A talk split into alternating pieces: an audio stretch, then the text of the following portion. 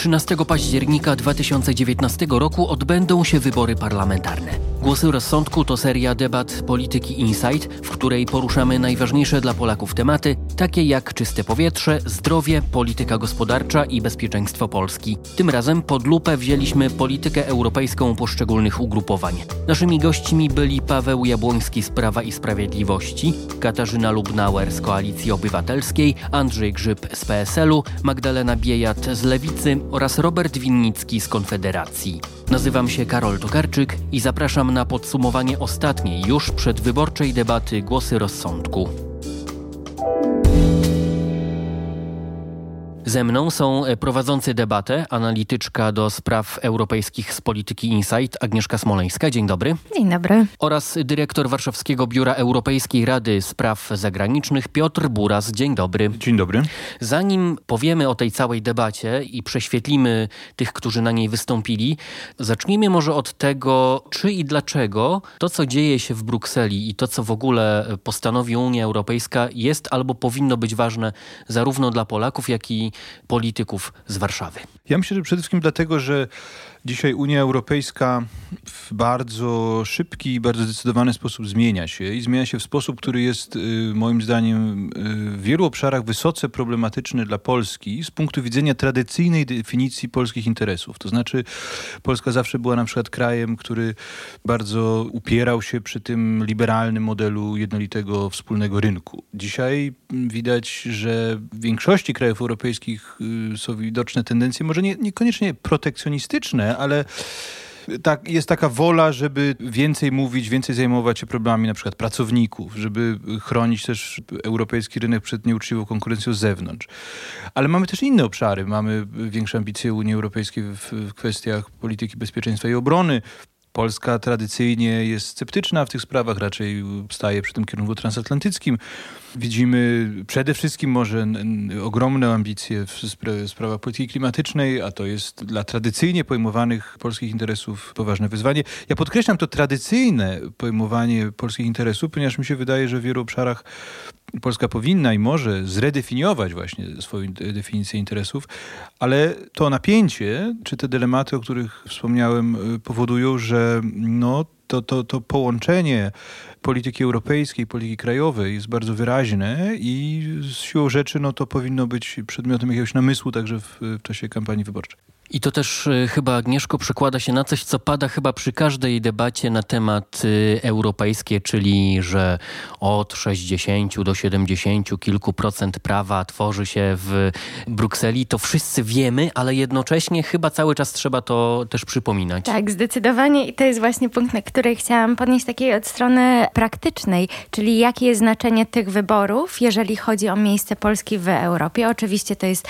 e, wpływ na kształtowanie kierunku integracji europejskiej, ale również bardzo praktyczne, proceduralne znaczenie, ponieważ rząd, który się wyłoni po wyborach, jest współustawodawcą, czyli współtworzy prawo europejskie. Tak jak mówiłeś, to jest 60-70% prawa, które wchodzi, to się oczywiście, to jest taka symboliczna cyfra, ale bardziej chodzi o skalę tego zjawiska. Po drugie, parlament, który wybierzemy, będzie się zajmował implementacją tego prawa. Czyli w momencie, kiedy w Unii powstaje dyrektywa, nawet dyrektywa dyrektywa dotycząca pracowników delegowanych, aby to prawo mogło wejść w życie, musi być implementowane na poziomie narodowym przez naszych własnych e, posłów.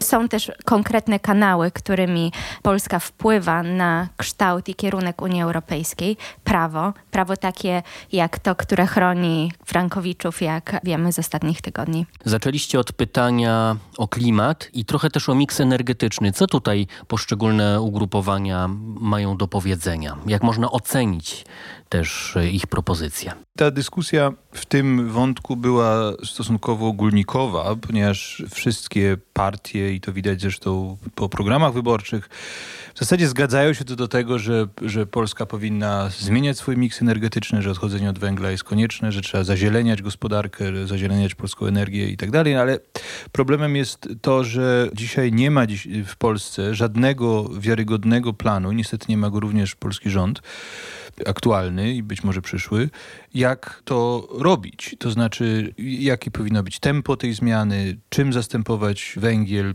w jakiej perspektywie czasowej? I tak dalej, i tak dalej. To nasze pytanie trochę tego dotyczyło, to znaczy dotyczy, dotyczyło tego, w jaki sposób wpisać tę politykę unijną, klimatyczną, która będzie coraz bardziej ambitna, w nasze narodowe cele ale mam wrażenie, że tutaj nie dowiedzieliśmy się zbyt wiele poza takimi no, ogólnikami, gdzie oczywiście niektórzy mówcy, na przykład też Robert Winnicki z Konfederacji bardzo mocno podkreślał rolę energii nuklearnej y, jako źródła, źródła energii. Y, wiemy, że to jest też pomysł PiSu, ale, ale w gruncie rzeczy problem polega na tym, że, że w dalszym ciągu te wszystkie propozycje właściwie się nie spinają w, w jakąś całość, jakiejś strategii zmiany, transformacji energetycznej w Polsce, a ja jestem przekonany, że to będzie jedno z głównych wyzwań, przed jakimi Polska stanie w najbliższych latach. Tam jeszcze był taki element, który wydaje mi się dużo mówi o tym, w jaki sposób PiS, zawsze, zwłaszcza reprezentowany na naszej debacie przez Pawła Jabłońskiego, chce wpływać na tą politykę europejską. I tam zwróciło moją uwagę jego stwierdzenie, że to weto zapisu o neutralności klimatycznej do 2050 roku w czerwcu było takim wielkim elementem strategii, że to jest ten sposób, w jaki oni dzięki, dzięki temu weto udało się zapewnić stworzenie nowego funduszu sprawiedliwej transformacji, który ma rzeczywiście może się pojawić. Ale wydaje mi się, że to samo stwierdzenie pokazało bardzo dużo, jeżeli chodzi o różnice w podejściach poszczególnych partii, ponieważ można wpływać na tego typu polityki polityki, kształtując je od samego początku, a można wychodzić z założenia, że właśnie to pokazywanie swoich czerwonych linii najpierw to jest ten sposób, w który chce się kształtować politykę i, i to jest jakby taki na poziomie jakimś takim bardziej fundamentalnym pokazało dużą różnicę w podejściu. Tak, to już to spotkało się z, dodam tylko z repliką y, przedstawiciela PSL-u, y, posła Andrzeja Grzyba, który y, no, wskazał słusznie, że, że to nie jest tak, że, że za sprawą tego weta Polska sprawiła, że powstał ten instrument w myśleniu europejskim, tylko to jest już instrument, który był wcześniej i ten, ta sprawiedliwość energetyczna no nie, jest, nie jest jakimś nowym pomysłem ostatnich kilku miesięcy. W takim razie przenieśmy się na tę debatę i sprawdźmy, co przedstawiciele poszczególnych ugrupowań mieli do powiedzenia na temat energii i klimatu. My jesteśmy przekonani, że ten rozwój, w szczególności nowych mocy energetycznych, powinien być y, upatrywany głównie w odnawialnych źródłach energii. Andrzej Grzyb, PSL. To wcale nie oznacza, że, że zaniknie od razu wytwarzanie energii z, z węgla. To będzie proces zastępowania poprzez nowe źródła energii. Będziemy widzieli też, że są również i paliwa alternatywne, że te paliwa alternatywne też mogą być tutaj bardzo dobrym efektem, łącznie z bioenergią pochodzącą chociażby z odpadów. Trzeba podejść do kwestii zmian związanych z energetyką jako wyzwania, które jesteśmy winni naszemu pokoleniu, ale przede wszystkim przyszłym pokoleniu. I nie traktować tego jako coś, co jest narzucane przez Unię Europejską, tylko coś, co jest w naszym wspólnym interesie. Katarzyna Lubnauer, Koalicja Obywatelska. Czyli potraktować to jako rzecz, która już powinna się dziać, ale niestety się nie dzieje. Mamy do czynienia z sytuacją, w której możemy śmiało powiedzieć, że w naszym interesie jest to, żeby Unia Europejska wspólnie z Polską kształtowała tak energetykę, żeby ona była przyjazna dla klimatu i powinniśmy się w to włączyć. I takie jest zobowiązanie Koalicji Obywatelskiej. Te rzeczy, o których Państwo mówili, rozwój odnawialnych źródeł, e, najróżniejszych, e, od e, biogazowni przez, przez również geotermię, przez fotowoltaikę. Robert Winnicki, Konfederacja. To wszystko jest fajnie, to wszystko jest ok, tylko mamy dwa wyjścia. Albo paliwa kopalne jako źródło energii stabilnej, stałej, albo w te pędy, i to jest największe zaniechanie energetyczne wszystkich rządów w roku 89, no wreszcie uruchommy tą elektrownię atomową. Polska rzeczywiście zablokowała w tym momencie wpisanie do konkluzji Rady Europejskiej celu neutralności klimatycznej na rok 2050. Ale to nie jest tak, że Polska zamierza blokować wpisanie tego celu w ogóle. Jeśli chodzi o powód, dla którego premier Morawiecki w czerwcu doprowadził do tego, że, ten, że ta data nie została wpisana, to powód jest bardzo prosty. Znowu jest to przejaw konkretnej walki o nasze interesy. Jeśli byśmy zgodzili się wtedy na podpisanie konkluzji z datą 2050, to dzisiaj bylibyśmy w zupełnie innej sytuacji. Przewodnicząca Komisji Europejskiej, pani nowa przewodnicząca, wpisała do swoich wytycznych politycznych, które zostały opublikowane w momencie, kiedy ona przechodziła przez procedurę w Parlamencie Europejskim, ten Fundusz Sprawiedliwej Transformacji, między innymi właśnie dlatego, że tak silny był opór Polski i kilku innych państw. W momencie, kiedy będziemy się skupiać na, na tym, że ten problem jest tylko nasz, to wtedy rozwiązanie tego problemu też będzie tylko nasze. Magdalena Biejat, Lewica. Unia Europejska to my i powinniśmy być wspólnie odpowiedzialni za przemiany klimatyczne i wspólnie z tych przemian klimatycznych, z tymi przemianami klimatycznymi walczyć, co oznacza również równe rozłożenie obciążeń. Problem polega na tym, że Polska niestety jest hamulcowym e, tych zmian, e, co pokazał dobitnie szczyt klimatyczny w Nowym Jorku ostatnio. Agnieszka Smoleńska, ty pytałaś o ściślejszą, coraz ściślejszą integrację w Unii Europejskiej. To nie jest proces, który toczy się bez przeszkód i zawsze do przodu. No i między innymi tego dotyczyło to drugie, szerokie dosyć yy, pytanie. Czy i w jakich dziedzinach Polska powinna wspierać yy, tę integrację, prawda? Zadaliśmy pytanie dość ogólne, ogólne i dość specyficzne jednocześnie. Pytaliśmy o to, jaka polityka gospodarcza Unii, i tutaj mówimy o polityce przemysłowej, polityce e, rynku wewnętrznego, polityce konkurencji, jaka polityka jest korzystna dla Polski, jaka nie. I tutaj kontekstem e, naszego pytania były też pewne przemiany, które widzimy w Unii Europejskiej. Jeszcze przed kryzysem finansowym Unia była takim tworem bardzo neoliberalnym. Dużo dużo było liberalizacji, otwartości rynku. Teraz jesteśmy w troszeczkę innej rzeczywistości i w Unii coraz częściej regulacja jest używana do kontrolowania rynku, do chron, ochrony rynku, ochrony pracowników, ochrony określonych interesów na tym rynku. Dlatego naszym pytaniem chcieliśmy się dowiedzieć, w których obszarach przedstawiciele partii polskich politycznych popierają więcej regulacji europejskiej, a w których nie chcieliby tej regulacji. I tutaj częściowo odpowiedzi były przewidywalne w pewien sposób. E, pani Lubnauer zwracała uwagę na konieczność utrzymania otwartości, liberalizacji, przeciwstawienie się zbyt uciążliwym regulacjom na poziomie europejskim. Jednocześnie zwracając uwagę na konieczność wykorzystania regulacji europejskich do wpływania na zachowanie dużych korporacji, czy też konkurentów Unii Europejskiej w skali globalnej, takich jak Chiny. Z kolei przedstawicielka lewicy zwracała uwagę na potrzebę używania tych regulacji w celu ochrony jakości życia i dobrostanu.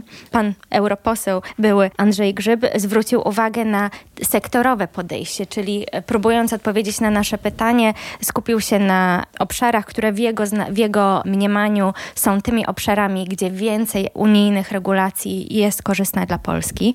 Tutaj wskazał na rynek energii, potencjał unijnej polityki obronnej czy e, regulacji rynku cyfrowego pan Winnicki zwrócił uwagę na renacjonalizację polityki handlowej. I tu wybrzmiała pewna różnica w postrzeganiu rzeczywistości, w której jesteśmy, która wydaje mi się była widoczna wśród naszych panelistów. To znaczy tych, którzy widzą globalizację jako proces już nie do powstrzymania, czyli rosnąca współzależność państw członkowskich wymaga rozwiązań na poziomie europejskim, a tymi przedstawicielami sceny politycznej, którzy bardziej się skupiają na tej renacjonalizacji, czyli rosnącemu protekcjonizmowi w różnych krajach europejskich, ale też w skali globalnej, czyli e, Chiny czy Stany Zjednoczone. W takim razie oddajmy raz jeszcze głos uczestnikom debaty polityki Insight Głosy Rozsądku. Unia Europejska musi stawić czoła zarówno takim gigantom jak i Chiny, jak i wobec narastającej wojny celnej z Stanami Zjednoczonymi musi prowadzić taką politykę,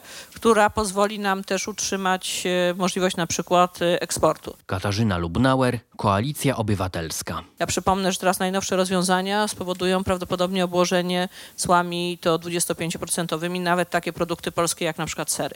Powinniśmy w wewnętrznej gospodarce wewnątrz Unii Europejskiej być strażnikiem tych, e, tej liberalizacji rynku wewnętrznego i dbać o to, żeby nie było protekcjonistycznych rozwiązań ze strony tych najsilniejszych krajów Unii Europejskiej. To powinno być naszym i zadaniem, celem i e, jest to w naszym interesie, tym, który wynika właśnie z tego pragmatyzmu.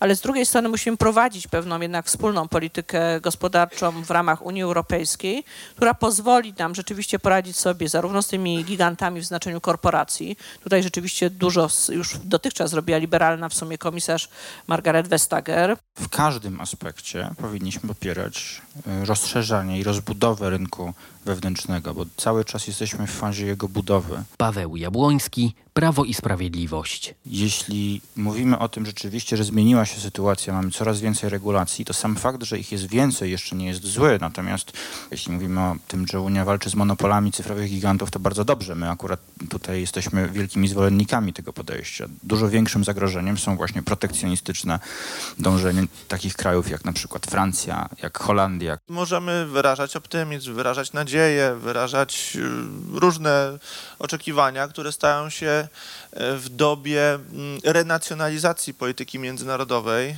y, która postępuje, która oczywiście postępuje na całym świecie. To nie są tylko Stany Trumpa, to jest cała kwestia polityki chińskiej, ale również polityk y, państw, dużych graczy Unii Europejskiej i nie chodzi mi tylko o Brexit, nie chodzi mi tylko o postawę Francji, ale przecież unijny hegemon, czyli Republika Federalna Niemiec daje nam na każdym kroku odczuć, że e, prowadzi taką e, bardzo e, politykę w własnym interesie, bo z jednej strony kwestia naszych firm przewozowych, które muszą teraz, nie mogą konkurować na rynku niemieckim tak jak konkurowały wcześniej, a z drugiej strony oczywiście Nord Stream 2 nie jest żadnym problemem dla Republiki Federalnej Niemiec, ponieważ jest to w ich narodowym interesie, żeby tą rurę prowadzić. Robert Winnicki, Konfederacja. Także możemy żyć pięknymi złudzeniami, że oto zmierzamy do jakichś szczytnych wspólnych celów. Prawda jest taka, że następuje reorientacja narodowa w polityce właściwie wszystkich większych graczy na arenie międzynarodowej i czas to wziąć pod uwagę i czas zacząć działać według tych reguł. Nie byłabym przedstawicielką lewicy, gdybym nie była jednak nieco sceptyczna w stosunku do absolutnej liberalizacji naszego wewnętrznego rynku europejskiego. Magdalena Biejat, Lewica. Chciałabym zwrócić uwagę na fakt, że niestety nadal jest tak, że Europa, wschód Europy konkuruje ze zachodem Europy głównie niskimi płacami.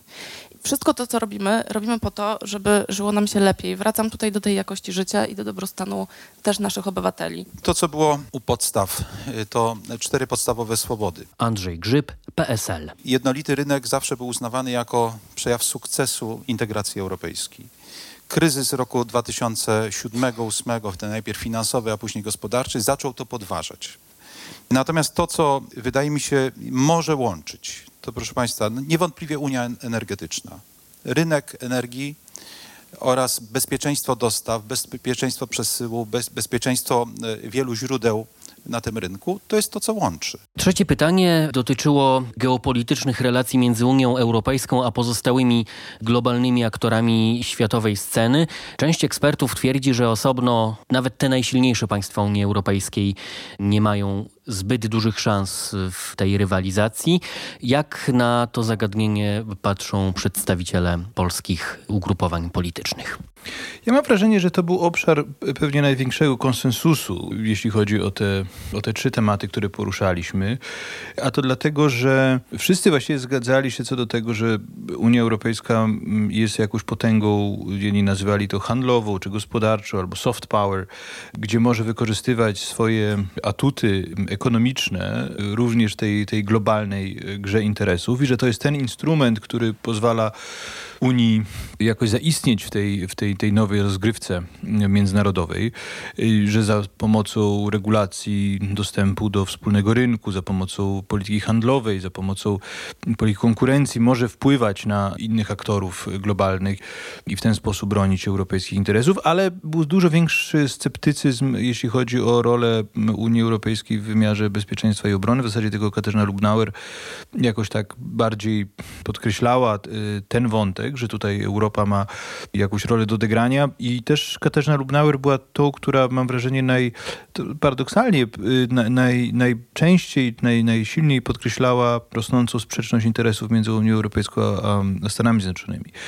To w wypowiedziach innych mówców y, się tak nie przebijało. No oczywiście tutaj stanowisko, jak we wszystkich tych sprawach, bardziej odrębne miał, miał Robert Winnicki z Konfederacji, który generalnie przy każdej okazji podkreślał ten schyłkowy charakter Unii Europejskiej, y, skazanej na, na rozpad i przeżartej taką też moralną i kulturową degrengoladą.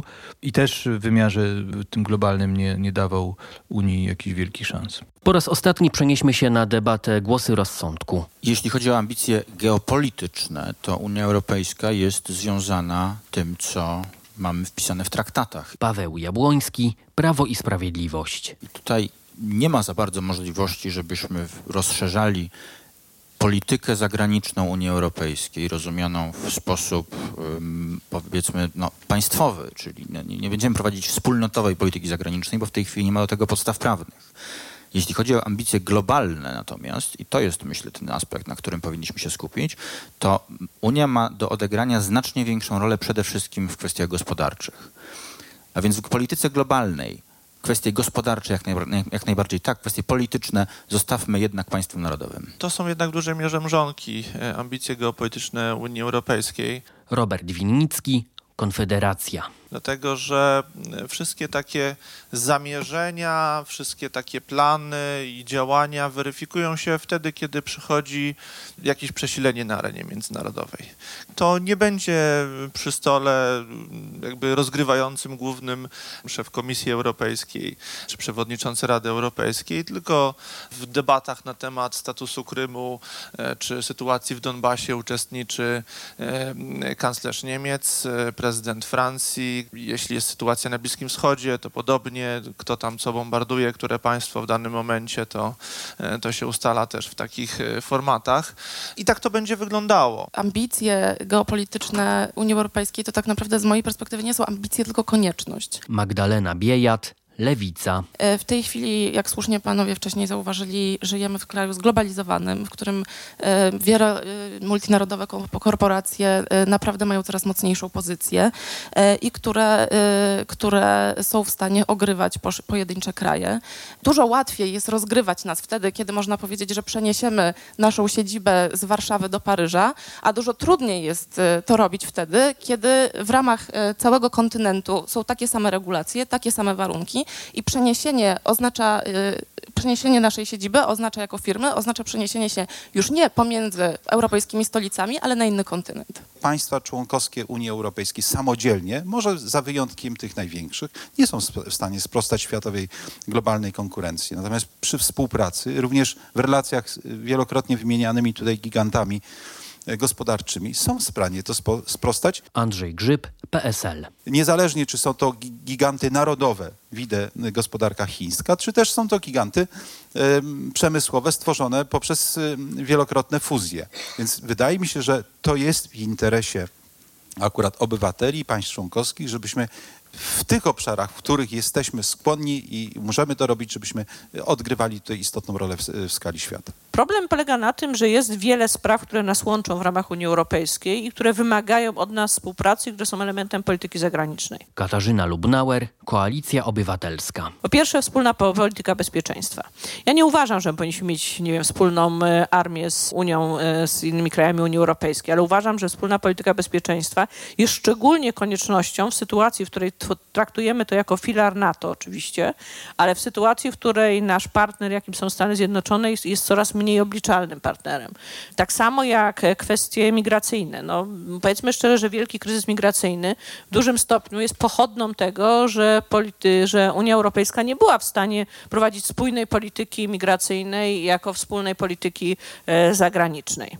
Jeżeli chcemy żeby Unia Europejska była silniejsza, jeżeli chcemy, żebyśmy mieli w związku z tym większe korzyści z faktu, że to jest silniejszy podmiot, to musi być również wspólna polityka e, zagraniczna. Może nie tyle, czy dowiedzieliśmy się coś nowego o programach partii politycznych, ale czy możemy sobie jakoś uporządkować i usystematyzować to, co poszczególne ugrupowania i jak poszczególne ugrupowania podchodzą do polityki Unii Europejskiej.